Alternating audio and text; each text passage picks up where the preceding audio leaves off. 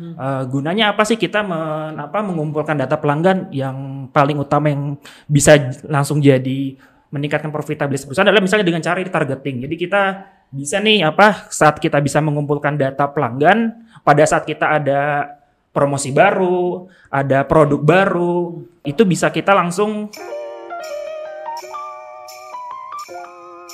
Assalamualaikum Juragan, balik lagi di podcast ngobrol bareng Yubi episode 9 Kali ini kita akan bahas tentang pentingnya memanfaatkan data bagi pebisnis online. Nah di sini kita udah bersama. Uh, Saya Rangga. Saya Naval Saya Nanda. Dan saya sendiri sebagai moderator ada Sabil. Uh, Sebelum kita mulai ke topiknya nih uh, Aku mau menanya dulu ke masing-masing Mungkin Kang Rangga sebagai pendatang baru di podcast ini. Iya yeah. nih, pemula nih. Iya. Yeah. Cemplungin ke sini. Kesibukannya lagi apa nih Kang? Oke, okay, uh, eh, kesibukannya sih tadi dia manahin lah sama Kang sama sama sih untuk ngelola dan ngembangin produk-produk di bisnis lah gitu. Uh, ya, sekarang kami lagi fokus banget untuk develop uh, eh, UB Pro versi baru dan tadi improvement improvement di gudang UB lah lebih tepatnya gitu. Dari Kang Noval di yes. Guyup? Saya nerusin kerjaan Kang Rangga tuh enggak, enggak, enggak, Saya juga bantu apa uh, lebih fokus ke gudang Yubi hmm. untuk apa namanya uh, biar gudang Yubi bisa lebih apa ya lebih bisa diterima lagi di masyarakat. Ada kalau update terbaru dari produknya adakah Paling yang paling baru tuh kita punya gudang baru di Smesco. Yang pertama satu itu. Terus mungkin yang kedua uh, bagi yang belum tahu gudang Yubi itu include dengan sistem delivery. Hmm. Jadi bukan hanya gudang. Jadi istilah gudang di sini sebenarnya bukan hanya gudang. Hmm. Kita ini fulfillment bisa ada deliverynya dengan mungkin harga yang cukup menarik Rp9.000 sejawa dan juga sembilan ribu di Sumatera gitu. Soft sellingnya uh, keren flat banget emang ya. Nah, tadi bedanya uh, gudang sama fulfillment emang apa Kang? Jadi kalau gudang kan itu adalah uh, tempat penyimpanan barang. Barang di situ maksudnya barang yang diem gitu. Hmm. Uh, emang untuk simpan, namanya juga gudang. Nah kalau fulfillment ini justru seperti tempat untuk transit saja. Hmm. Jadi barangnya ditaruh di uh, fulfillment atau gudang, tapi perputarannya mungkin dua uh, tiga hari sudah keluar lagi untuk uh, adanya penjualan gitu sih lancar Kang di Guyup. Amin. Uh, terakhir nih dari Nanda di Ubi Store. Ya fokus gini-gini aja sih sebenarnya lah. Gimana uh, penjualan bukunya atau target marketingnya dan lain sebagainya? Alhamdulillah. Rahasia dong masa disebutin? Gak ya, saya jago total, nih jualan buku total sehari penjualannya kan berapa? kemarin. Nggak mau nggak mau sombong. Banget ya. sombong. Jadi kayak biar aku aja yang tahu gitu. Biar aku dan Allah aja yang tahu. Oh kan ini kemarin ada yang terbaru dari packaging uh, pengiriman. Jadi tuh kita tuh lagi fokus cari in, micro influencer untuk mereka tuh bisa merasakan manfaat dari buku yang Mas Jaya Setia Budi Mas Jaya model kita tercinta dan terhebat untuk merasakan uh, untuk dari ini bisa tahu manfaat dari buku itu apa dan bisa uh, ngebantuin UMKM juga di Indonesia karena hmm. mah influencer yang satu value insya Allah ya dengan Yubi pasti mereka itu orang-orang baik yang pengen ngebantuin orang juga kan. Nah di situ kita fokus di situ. Selain itu juga lagi fokus cari micro influencer juga untuk beberapa itu beberapa endorse untuk ngebantuin kita memperkenalkan produk ke followersnya gitu. Hmm. Ada influencer yang mau kerja sama sama Yubi, kontak saya ya di sini.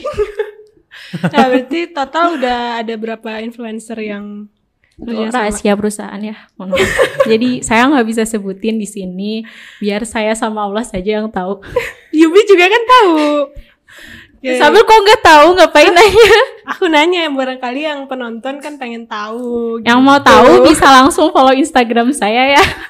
Oh follow Instagram kamu bukan follow Instagram Yubi. Nanti diarahin ke Yubi. Oke, okay, yep. nah balik lanjut, lagi. Lanjut. lanjut ya, kita balik lagi ke topik awal yaitu tentang pemanfaatan data buat pebisnis online. Nah sebenarnya seberapa penting sih data itu uh, dan apa yang akan terlewat jika kita tidak memanfaatkan data gitu. Sebenarnya dari uh, saya juga baca beberapa artikel dulu. Jadi dari beberapa data yang uh, di oh sebelumnya ini ada perbedaan dulu antara data dan informasi. Jadi kalau data itu masih uh, kayak gagasan dan belum tentu ada peristiwa di dalamnya. Tapi hmm. kalau informasi itu udah hasil diolah dan udah ada hasil analisisnya, yeah. gitu. Dan uh, seberapa pentingkah data itu? Jadi beberapa manfaat di antaranya itu ada istilahnya uh, CRM atau uh, Customer Relationship Management. Jadi dari CRM ini tuh bisa membantu uh, selling, terus juga hmm. operational marketing, yep juga uh, emang mengelola marketing juga operasional uh, untuk memudahkan kebutuhan customer gitu. Nah itu salah satu mungkin ya manfaat dari adanya data. Dan uh, tadi kan kita sebut data-data gitu dan sebenarnya kan data ini juga cakupannya luas. Dan konteksnya di bisnis pun juga bisa berbeda mungkin dengan konteks data di perkuliahan gitu kan. Nah, uh, apa sih sebenarnya yang dimaksud data dalam bisnis itu dan uh, mungkin jenis-jenisnya kategorinya bisa ada apa aja mungkin Kang Rangga oke okay, uh, kalau pengalaman saya yang saya pelajarin gitu kalau data dari untuk publish online itu uh, kata kuncinya ya ini data ini sebagai aset gitu aset bahkan uh, sekarang perusahaan-perusahaan modern yang sekarang perusahaan-perusahaan besar lah sekarang tuh aset utamanya adalah asetnya data gitu, udah bukan lagi aset fisik gitu. Ya teman-teman bisa sering dapat inilah informasi gitu. Apa perusahaan apa uh, penyewaan rumah terbesar adalah yang nggak punya rumah gitu. Hmm. Terus perusahaan yang apa uh, Uh, taksi terbesar taksi terbesar uh, taksi. dia nggak punya taksi gitu nah itu jadi uh, karena ya tadi aset yang mereka miliki ini adalah data gitu nah apa uh, mengerucut lagi untuk si pebisnis online sebenarnya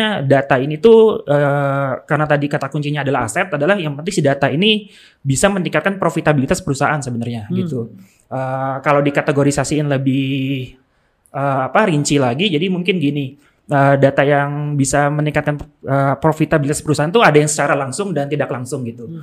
Misalnya yang secara langsung ini misalnya uh, datanya yang bisa kita milikin lah sebagai pebisnis online. Misalnya tadi data pelanggan Hmm. Uh, gunanya apa sih kita men, apa, mengumpulkan data pelanggan yang paling utama yang bisa langsung jadi meningkatkan profitabilitas perusahaan adalah misalnya dengan cara retargeting. Jadi kita bisa nih apa saat kita bisa mengumpulkan data pelanggan pada saat kita ada promosi baru, ada produk baru, uh, itu bisa kita langsung uh, dekat gitu dengan uh, calon pelanggan pembeli kita di uh, produk kita yang baru nanti gitu. Hmm. Itu sih apa uh, contohnya untuk data yang uh, sifatnya kita milikin atau uh, data yang bisa langsung uh, secara langsung kita uh, optimalkan untuk meningkatkan profitabilitas perusahaan. Hmm. Adapun data yang secara tidak langsung uh, kategorinya, yang secara tidak langsung ini gunanya apa sih? Ya tadi mungkin uh, si data ini tidak bisa langsung kita uh, apa uh, secara langsung bisa diubah jadi penjualan ataupun monetisasi uh, gitu. Uh, monet monetisasi, tapi mungkin bisa untuk mengambil keputusan. Nah, oh. mengambil keputusan ini ya tadi dengan adanya data tadi uh, kita bisa ngumpulin data secara lengkap. Uh, misalnya contohnya uh, kalau di materinya Mas kan di formula dari profiling tuh. Ya, jadi uh, perlu banget nih apa misalnya bagi pebisnis online untuk uh, me-profiling uh, terus si target customer yang kita bidik gitu. Hmm. Jadi misalnya uh, dari sisi hu-nya nih demografisnya uh, tinggalnya di mana, usianya berapa gitu. Terus uh, geografis di mana nih? Apa oh wilayahnya ternyata di Jabodetabek terbesar gitu. Makanya kan uh, apa uh, dari sisi gudang Yubi juga kami fokusnya ya. untuk memperbesar uh, apa uh, pembukaan gudang tuh difokuskan di Jabodetabek di Jawa dulu lah gitu. Nah, itu karena mayoritas pembeli online masih di Jabodetabek gitu. Hmm. Adapun uh, untuk pembukaan selanjutnya kita juga berdasarkan data gitu. Nanti uh, ini udah langsung case ya jadinya. Uh, contohnya uh, pembukaan di uh, Sumatera tuh uh, itu berdasarkan tadi histori data yang kami dapat oh ternyata penjualan kedua setelah Pulau Jawa itu ya ada di Sumatera gitu. Itu uh, sehingga saat kita buka di Sumatera itu udah bisa langsung ke translate lah si forecasting penjualannya seperti itu. Nah itu tadi uh, data ini ya tadi uh, apa uh, aset lah ya. Jadi uh, teman-teman UKM mungkin mudah mulai harus uh, tadi apa meluangkan waktu atau tadi mensistemasi uh, prosesnya pengumpulan data ini untuk tadi apa uh, terutama untuk mengambil, mengambil keputusan supaya tadi uh, bisa jadi untuk tadi kita mau meningkatkan profitabilitas atau tadi misalnya untuk mengurangi kerugian. Bisa jadi nanti misalnya tadi uh, salah satu datanya misalnya kita mengumpulkan data uh, produk terlaris gitu nah itu apa biasanya uh, kita punya produk eh, uh, 20 produk, 20 SKU gitu. Ternyata, yang terlaris itu hanya 2 sampai 3 produk. Mungkin untuk memaksimalkan tadi apa supaya si produksinya tidak over capacity atau nanti saat sudah diproduksi supaya tidak dead stock mungkin bisa digunakan Pareto. Jadi mungkin kuantitas yang terlaris diperbesar, yang apa yang minatnya kurang dikurangin sih uh, jumlah uh, produksinya gitu sih mungkin. Ya tadi uh, apa tujuannya tadi uh, supaya meningkatkan profitabilitas perusahaan lah gitu sih datanya gitu. Nah, berarti kan dengan adanya data tuh sebenarnya bisa membantu pebisnis online gitu ya, terutama. Nah, uh, tadi juga disebutkan gitu bahwa UMKM itu juga harus sudah mulai sadar lah ya tentang pengumpulan data ini bahwa dengan adanya data tadi gitu bisa mempercepat proses uh, untuk uh, peningkatan jumlah produk gitu dan profitabilitas. Nah, uh, ada tips and trick gak nih kira-kira gitu untuk pebisnis mulai gitu khususnya kan UMKM juga kebanyakan namanya juga UKM gitu ya, kecil dan menengah gitu. Uh, dalam proses pengumpulan data ini tuh ada tips and tricknya nggak mungkin dari Kang Noval, Kang Rangga, Nanda? Oke, okay. jadi aku ya kalau buat UMKM sendiri gimana caranya? Kenapa ya gak ada ketawa? Curiga. Ya, gimana Nanda? Oh ya, jadi gini Kang Noval, gini nih, kalau misalnya UMKM mau mengumpulkan data ya karena kita seperti yang kita dengar dari Mas Rangga itu data itu kan penting banget terutama buat UMKM. Itu hmm. yang pertama ada dua cara. Yang pertama dengan ads atau berbayar, hmm. itu dengan iklan. Kemudian ada organic traffic dengan optimasi sosial media yang UMKM itu punya gitu. Oh. Nah, terus ada juga nih dengan cara mulai pakai toko online gitu. Kenapa harus pakai toko online gitu ya? Toko online sendiri maksudnya? Iya, toko online di Bipro. Bisa, bisa lah tuh. Yang ada di sini. Ada di sini. Ada di sini. Jadi uh, kebetulan juga kita lagi ada fitur-fitur baru ya Kang Rangga di toko online di Bipro. Nah, kenapa sih uh, UMKM itu harus pakai toko online? Karena di toko online itu kita tuh juga menyediakan database pelanggan yang bisa diolah lagi oleh para UMKM. Jadi uh, Nanda sendiri ini kan pegang Ubistore ya. Jadi pengalaman Nanda itu jadi pembeli yang udah masuk nih udah beli di to lewat toko online Ubi Pro-nya Ubistore. Itu kita olah lagi datanya, kita hubungin lagi mereka lewat WhatsApp, kita tanyain gimana pengalaman mereka uh, membeli produk kita mulai dari buku, e-course gitu. Nah, mereka kan ngasih feedback tuh. Nah, kita dari situ bisa nih uh, cross sell ataupun upsell kita tawarin produk-produk yang lain atau kita tawarin produk yang serupa gitu. At least walaupun mereka nggak beli gitu ya, walaupun mereka nggak beli, tapi setidaknya kita dapat feedback tentang produk kita itu baik atau enggak, udah cukup membantu mereka atau enggak, dan kita di situ bisa jadi pendengar yang baik untuk customer. Nah, dari situ kita bisa menjalin hubungan. Nah, itu juga bisa jadi peluang untuk meningkatkan omset bisnis penjualan. Jadi gitu. Makanya pakai toko online Yubi Pro. Pesan okay. sponsor ya itu. Kalau dari Kang Noval ada uh, di Goyup apa ini teh yang mana uh, tips and trick tadi kan mungkin di Goyup juga nanganin merchant nih hmm. gitu UMKM nah uh, membantu juga dalam operasional gitu kan tadi hmm. ya gimana kan ada oh tidak? ya paling uh, ini sih apa kalau dari Guyup kan sifatnya dia uh, pergudangan dan plus uh, logistik atau ya kalau gampangnya inilah logistik sistem gitu.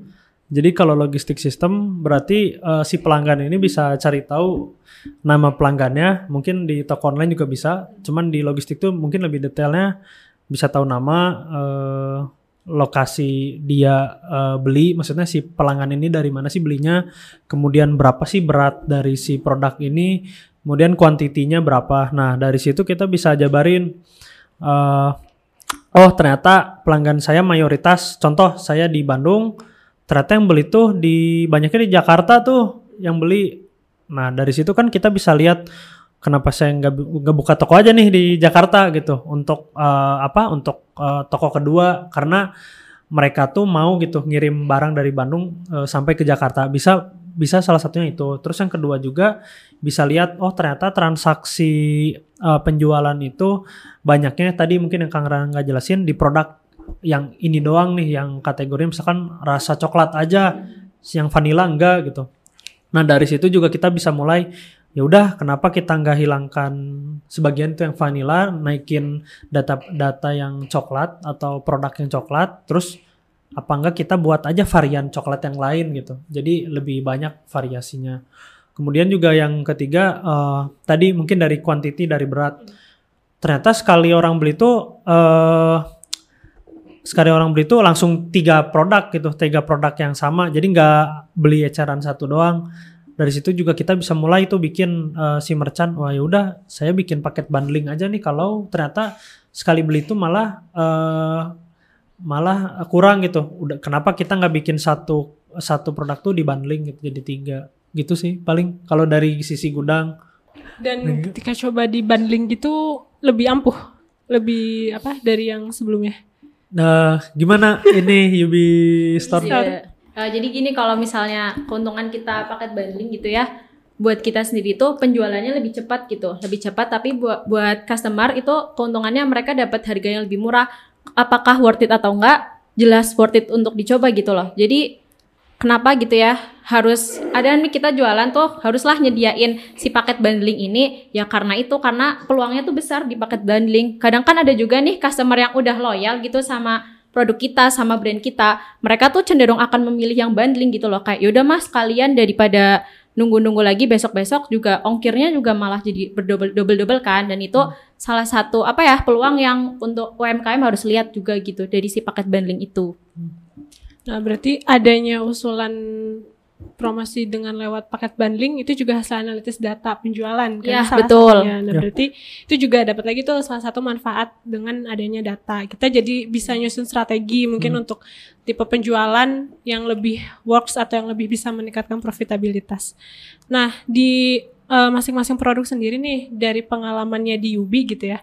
Adakah pengalaman menarik gitu ya hmm. terkait dengan data ini yang mungkin kan dalam uh, apa pekerjaan kita sehari-hari bisa jadi gitu tadi kita menemukan oh uh, akhirnya menemukan cara unik gitu ya untuk uh, dalam uh, mengolah data gitu yang akhirnya tadi gitu bisa uh, meningkatkan profitabilitas gitu pada ujungnya.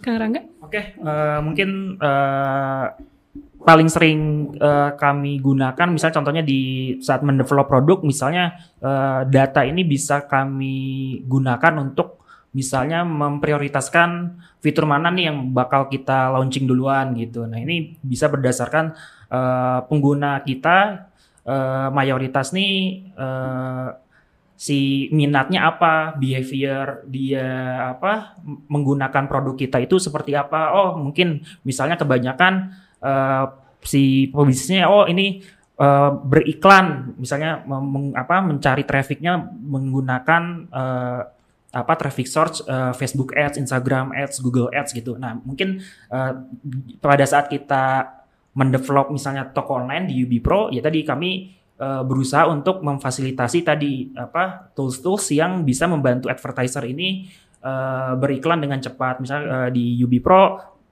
kami prioritaskan misalnya uh, integrasi dengan Facebook Pixel Tracking, terus apa dengan Google Tag Manager untuk Google Ads, terus uh, kami lengkapi juga misalnya uh, integrasi sama katalog uh, apa dynamic product ads-nya Facebook supaya nanti uh, apa saat si merchant ini pengen beriklan dia tidak perlu lagi apa uh, ngupload produknya satu-satu nih tiap offer jadi udah berdasarkan uh, katalog produk yang sudah diupload di UB Pro sebelumnya gitu. Hmm. Nah itu sih itu contohnya. Terus misalnya dari sisi marketing waktu itu sempat juga uh, pegang UB Pro uh, tadi benar saat kita pegang data uh, pelanggan kita atau calon pelanggan kita uh, baik itu kita dapatkan misalnya uh, konversi nih dari uh, follower kita di media sosial, subscriber di uh, YouTube channel kita ataupun partisipan di event offline kita itu kita kumpulin datanya. Nah pada saat kita misalnya ada launching produk baru yaitu kita cukup uh, apa komunikasikan bisa dengan cara blast uh,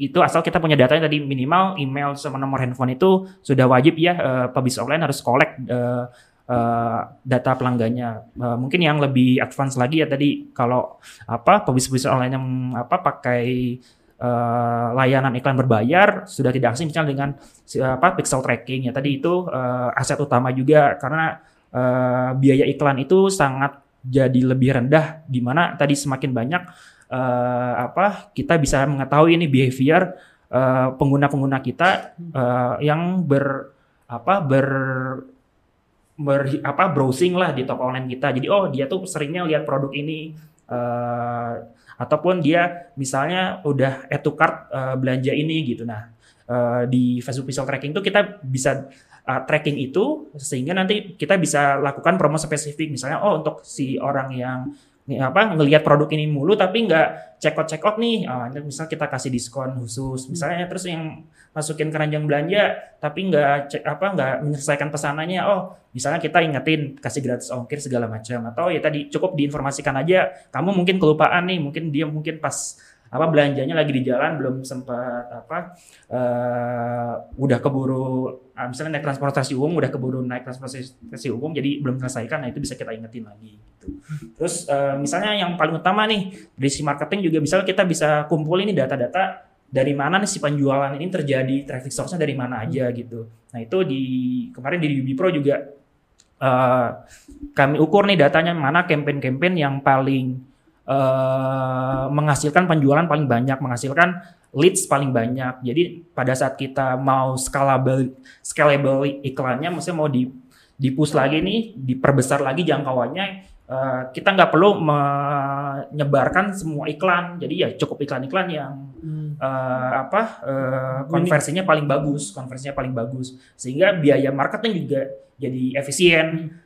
Berpengaruh nanti di akhir uh, margin keuntungan perusahaan juga makin besar gitu. Yaitu kalau kita aware lebih ke data gitu ya jadi kita tidak buta lah untuk mengambil keputusan mana hal yang harus kita pilih uh, iklan mana yang harus kita jalankan konten mana yang paling bagus untuk pelanggan kita terus apa produk mana yang harus kita produksi. Yaitu semuanya baiknya teman-teman bisa kan uh, simpan datanya uh, secara rapi gitu. Supaya tadi apa uh, nggak inilah eh, nggak uh, salah mengambil keputusan uh, untuk bisnis uh, teman-teman di ke depannya gitu sih.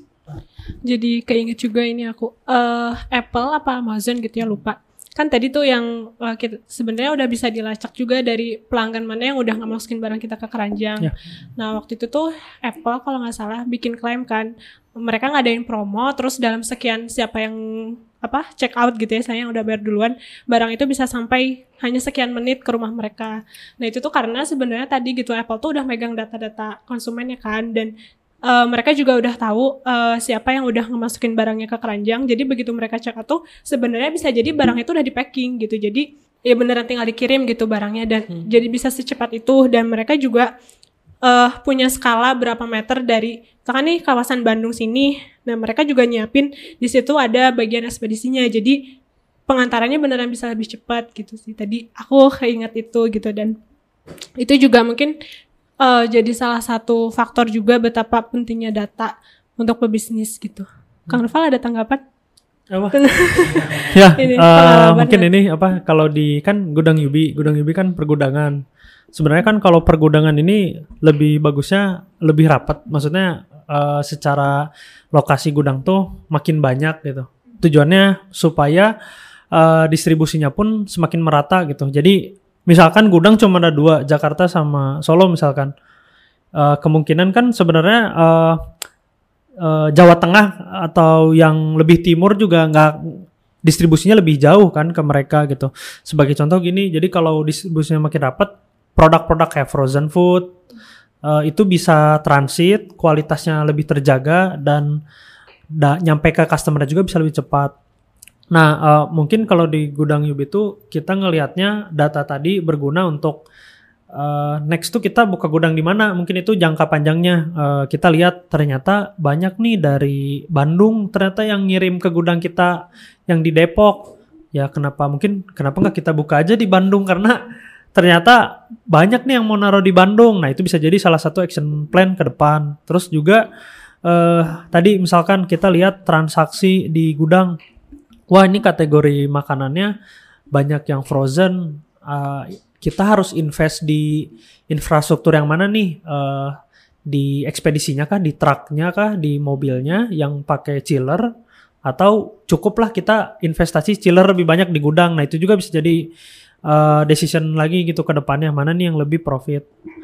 Itu juga contoh. Terus juga uh, kalau kita lihat mungkin kalau uh, lihat uh, perkembangan zaman sekarang gitu, tren-tren uh, orang-orang mulai sadar sama uh, apa namanya eco eco eco green green gitulah. Hmm. maksudnya sustainable, sustainable uh, development, development gitulah uh, nah di sini juga kita lihat tren wah ini cukup menarik nih. Gimana nih? Mungkin dari sisi Guyup juga kayaknya kita punya action plan nih buat bikin eco packing mungkin ke depannya wow, karena keren. supaya uh, ya kan plastik tuh banyak supaya mungkin gue ini bisa jadi uh, fulfillment pertama yang Iko gitu lah. Keren gitu banget ya, emang nggak salah narik, nih narik, dari narik. BMW. Aminin nah, dulu. Itu ya. bisa jadi beneran menjanjikan sih Kang, karena ya. aku juga ada temen kan, oh. dia mm, bergerak di, jadi sebenarnya dia uh, bisnisnya fashion, tapi hmm. Uh, sebelum dia ngeluncurin produknya itu dia educate dulu tuh uh, apa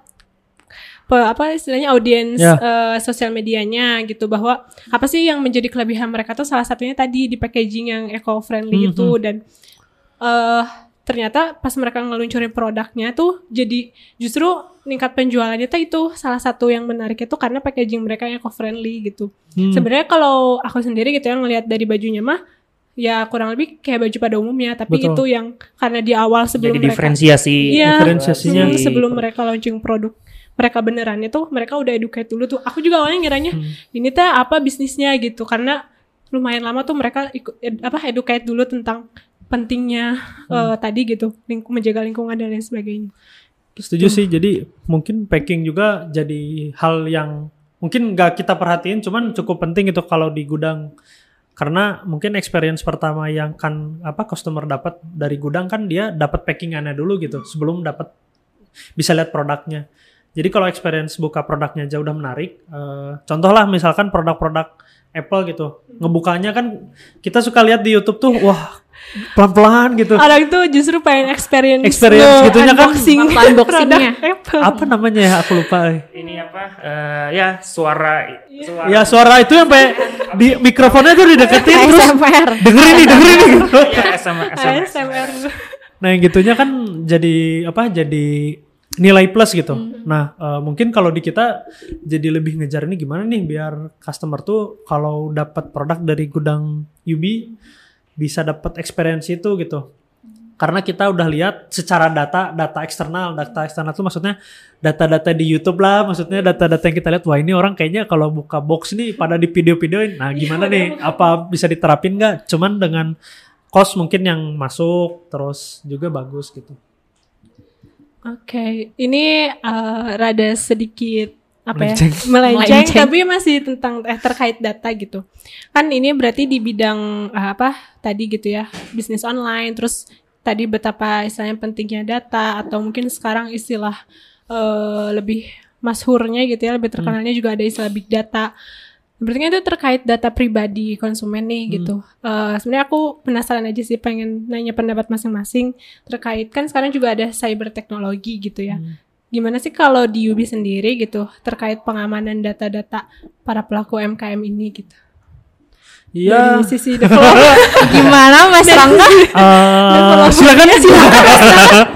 Sepertinya uh, kita tidak tahu. Uh, tadi sih betul uh, data ini jadi isu yang sangat krusial ya terutama jadi mungkin kita dengar sendiri Facebook sangat berkendala nih dengan data, ya? privasi data si data penggunanya. karena apa memang si Facebook ini uh, secara jelas dan terang-terangan memanfaatkan data pengguna dan behavior pelanggan atau peng, behavior user yang ada di platformnya ini untuk dimanfaatkan ke pihak ketiga. Uh, mungkin ya tadi apa uh, masih oke okay lah ya untuk uh, kebutuhan advertising gitu untuk kebutuhan apa menawarkan produk. Tapi sudah sangat melenceng saat uh, si data ini dipergunakan untuk uh, mobilisasi politik segala macam apa membangun apa isu melenceng. isu melenceng menggulingkan presiden bisa juga tuh. segala macam. Iya ini sangat berbahaya apa uh, itu itu kan yang dilakukan apa di apa uh, kejadian di Amerika kemarin gitu kan Facebook sebagai apa uh, source data yang digunakan oleh Cambridge Analytica ya untuk hmm. uh, memenangkan kan, kandidat presiden tertentu gitu. Nah, hmm. ini apa uh, apa memang balik lagi ke value masing-masing perusahaan. Nah, di Yuk Business sendiri sudah jelas ya ini Yuk Bisnis ini uh, memang sangat aman. saja aman. Kami sangat menjunjung tinggi, tinggi keamanan. Dilihat visi dan value-nya. Di sini. Ya tadi uh, data yang masuk di tempat kami ya tadi uh, apa uh, goals kita ya memang untuk uh, apa meningkatkan kesejahteraan UMKM. Jadi data yang kami kumpulkan ya tadi gimana caranya kita membuat produk yang lebih baik, membuat apa uh, membangun kemitraan dengan pihak ketiga untuk uh, membantu UKM lebih baik. Contohnya, oh ini ternyata uh, apa setelah data yang kami kumpulkan, oh ternyata ini ada kendala di ongkos kirim. Uh, uh, kami apa berusaha untuk jadi alternatif solusi, misal uh, dari marketplace. Nah ini uh, gimana solusinya dari data yang kita ambil? Oh ternyata beban terbanyak terba, terbesarnya di ongkos kirim. Ya tadi hmm. kami membangun kemitraan dengan data yang ada, uh, kita uh, share datanya, maksudnya kita present data yang kami punya, misalnya dengan pihak ketiga, contohnya dengan JNE untuk membangun tadi satu produk baru, lini produk baru untuk tadi untuk jadi solusi UKM selanjutnya gitu. Nah itu uh, apa uh, dengan tadi balik lagi apa dengan kita punya data yang rapi, ini kita bisa gunain nih baik itu untuk kita bisa mengetahui apa perilaku konsumen lebih bagus lebih lebih spesifik lagi kan kita ya maksudnya uh, kalau pebisnis online yang baru-baru ya tadi yang dicari adalah produk market fit ya gimana hmm. produk kita bisa fit sama market gitu. Hmm. Dan selain itu juga tadi data ini bisa di, untuk mengambil keputusan tadi untuk meningkatkan profitabilitas, mengurangi risiko kerugian, bahkan tadi uh, apa uh, data ini juga bisa kita gunakan untuk menarik investor atau mitra baru gitu. Hmm. Uh, apa uh, karena ini yang maksudnya sangat krusial di era sekarang gitu banyak banget ya maksudnya apa secara aset mungkin perusahaannya tidak uh, cukup besar tapi dengan tadi dia punya apa uh, data yang sangat komprehensif yang bisa tadilah kita bisa cross sell bermitra dengan saling hmm. promote segala macam ya tadi asal datanya komprehensif uh, itu bisa dilakukan gitu. Menarik. Karnaval ada tanggapan tentang menarik kalau buat atau... Guyup sih kurang apa namanya mungkin sudah dijelaskan ahlinya tadi cuman yang yang saya tahu tuh kan uh, zaman dulu tuh ada industri tuh uh, industri dari apa namanya kan uh, industri mesin uap yang lain-lain terus kita ke teknologi mulai dari penemuan komputer di situ kan uh, pelanggan juga mulai coba-coba tuh pakai pekerja sih terutama mencoba komputer itu untuk menang, meningkatkan produk produktivitas kerjanya gitu. Nah, uh, langsung kita tarik ke depan tuh ke depan banget. Ada mungkin yang Facebook kemarin jelasin tuh metaverse. Metaverse tuh kan kita interaksi secara virtual dengan bagus gitu. Nah uh, tadi mungkin dengan isu yang cukup berat juga Facebook mungkin gak kurang menjaga uh, apa data pelanggannya bisa jadi kita mau ke metaverse nih percaya nggak sih sama si Facebook gitu kan? Apakah si teknologi ini malah jadi bumerang balik gitu ke kita? Bisa jadi kayak gitu. Nah beda cerita yang saya dengar tuh mungkin Microsoft. Microsoft kan dia beneran jaga data dia nggak pernah di share kalau nggak yang tahu ya nggak pernah di share ke si pelanggannya. Dua-dua orang ini tuh dua-dua company ini tuh mau bikin metaverse. Sebenarnya kita tahu nih data itu penting banget. Nah bisa jadi uh, step selanjutnya teknologi ke metaverse tuh yang paling dilihat tuh malah privasinya gimana sih sebenarnya bisa jadi Facebook duluan yang ngegedein aku pengen metaverse tapi Microsoft yang ngomong kedua bisa jadi Microsoft yang menang karena dia yang lebih ngejaga datanya. Jadi kalau aku lihat sih data itu sangat penting dalam apa ya dalam industri ke depannya gitu. Terutama dalam apa ya dalam menjaga trust. Hmm, menjaga trust dan si customer itu tuh pengen make produk mereka gitu. Gen Z, Nanda. aku sederhana aja sih jawabannya kayak yaudah sesuai apa yang udah di, disampaikan Kang Rangga cuman lebih ke ini aja ya buat para UMKM kayak setelah mendengar podcast ini kan jadinya harus lebih aware tentang data gitu ya betapa pentingnya data dan itu tuh memang benar-benar bisa dimanfaatkan kita untuk gimana sih kita apa ya kayak uh, ini interaksi dengan customer dari data itu kan kita jadi tahu nih segmentasinya di umur berapa atau berapa itu juga bisa jadi hmm. uh, ini untuk membantu kita menentukan konten apa yang ingin disajikan di sosial media karena sosial media kan harus kita optimasi tuh untuk Hmm. mendatangkan traffic organik. Jadi traffic organik itu nanti bisa menghemat biaya iklan kita. Nah, kalau misalnya secara organiknya udah bagus, kita bisa apa namanya nyajin konten yang sesuai dengan segmentasi market kita, behavior mereka, kita udah bisa baca itu, justru malah mungkin benar-benar bisa menghemat budget iklan, malah lebih kuat di organiknya gitu. Jadi itu penting banget sih. Apalagi kalau sekarang kan kalau di marketplace sendiri itu kan udah eh, perang-perangan harga dan database-nya juga nggak ada kan. Nah itu kenapa sih eh, buat para UMKM itu harus mulai hijrah ke toko online? Salah satunya itu kita karena harus udah aware tentang data juga dan untuk menghindari persaingan yang tidak sehat di marketplace itu sendiri gitu sih. Teh. Paling yang paling baru itu tuh apa? Eh, konten-konten challenge yang share dong eh, KTP kamu atau nama panggilan-panggilan kamu ya usia di gitu. usia kamu, Sayang, tanda tangan sayang, kamu, sayang. ya semua aja tuh bisa Sayang jadi nggak ada. Nggak ada bisa nama jadi panggilan. penipuan kan. Sekarang iya. banyak-banyak yang ketipu karena ada share siapa sih nam- nama panggilan Segampang kamu. itu. Ah, ah, benar. Nanda misalnya nama kecilnya siapa Nan? Dipanggil Ya, di janganlah takut di rumah. Enggak, enggak. ditipu sama ditipu. Enggak. Ah. Ya, Mukanya udah muka-muka. Bisa aja tuh kalau aku jahat kan Nanda nih dipanggil kecilnya Apa si gitu apa ya? namanya Nondo gitu kan. Terus aku tahu nomor telepon ibunya ya tak telepon kan. Ini Nondo bla. Oh ini teman kecilnya Nanda nih karena yang tahu Nondo si Nanda. Iya, Akhirnya tahu aku ya. minta transfer kan ke ibunya ya yang ya Benar. itu Versinya lebih bagus ya kalau Iya. kita udah tahu lebih detail Betul tuh, si betul tuh. orang tersebut. Hati-hati Ya, tadi jadi. ini jadi memang jadi apa dua mata pisau ya tadi kita menggunakan data untuk hal yang baik atau Hmm. Yang hal buruk yang buruk gitu. ya tadi tergantung balik lagi ya ke makna sukses kita. Jadi Iya. Emang. mangga mangga. Lebih banget. Oke, nah eh, tadi cukup ramai ya, ramai bahkan diskusi tentang data ini. Seperti biasa. Sambil Sebenarnya nggak rame kayaknya butuh besok. Rame. sangat menarik ya. Ya. jadi jadi beban gitu. ya mungkin untuk nanti eh, teman-teman yang mau lebih tahu tentang data boleh dicari aja di formula bisnis tentang materi data. Yap. Nanti Ada materi profiling, Iya, nanti materi mungkin profiling. bisa di klik Profiling. di nyusahin apa Semua tangan Ya di sinilah. Di sini. YouTube-nya ada. ya gitu ya teman-teman. Eh, mungkin cukup sekian. Eh, terima kasih. Assalamualaikum warahmatullahi wabarakatuh. Waalaikumsalam. Waalaikumsalam warahmatullahi wabarakatuh.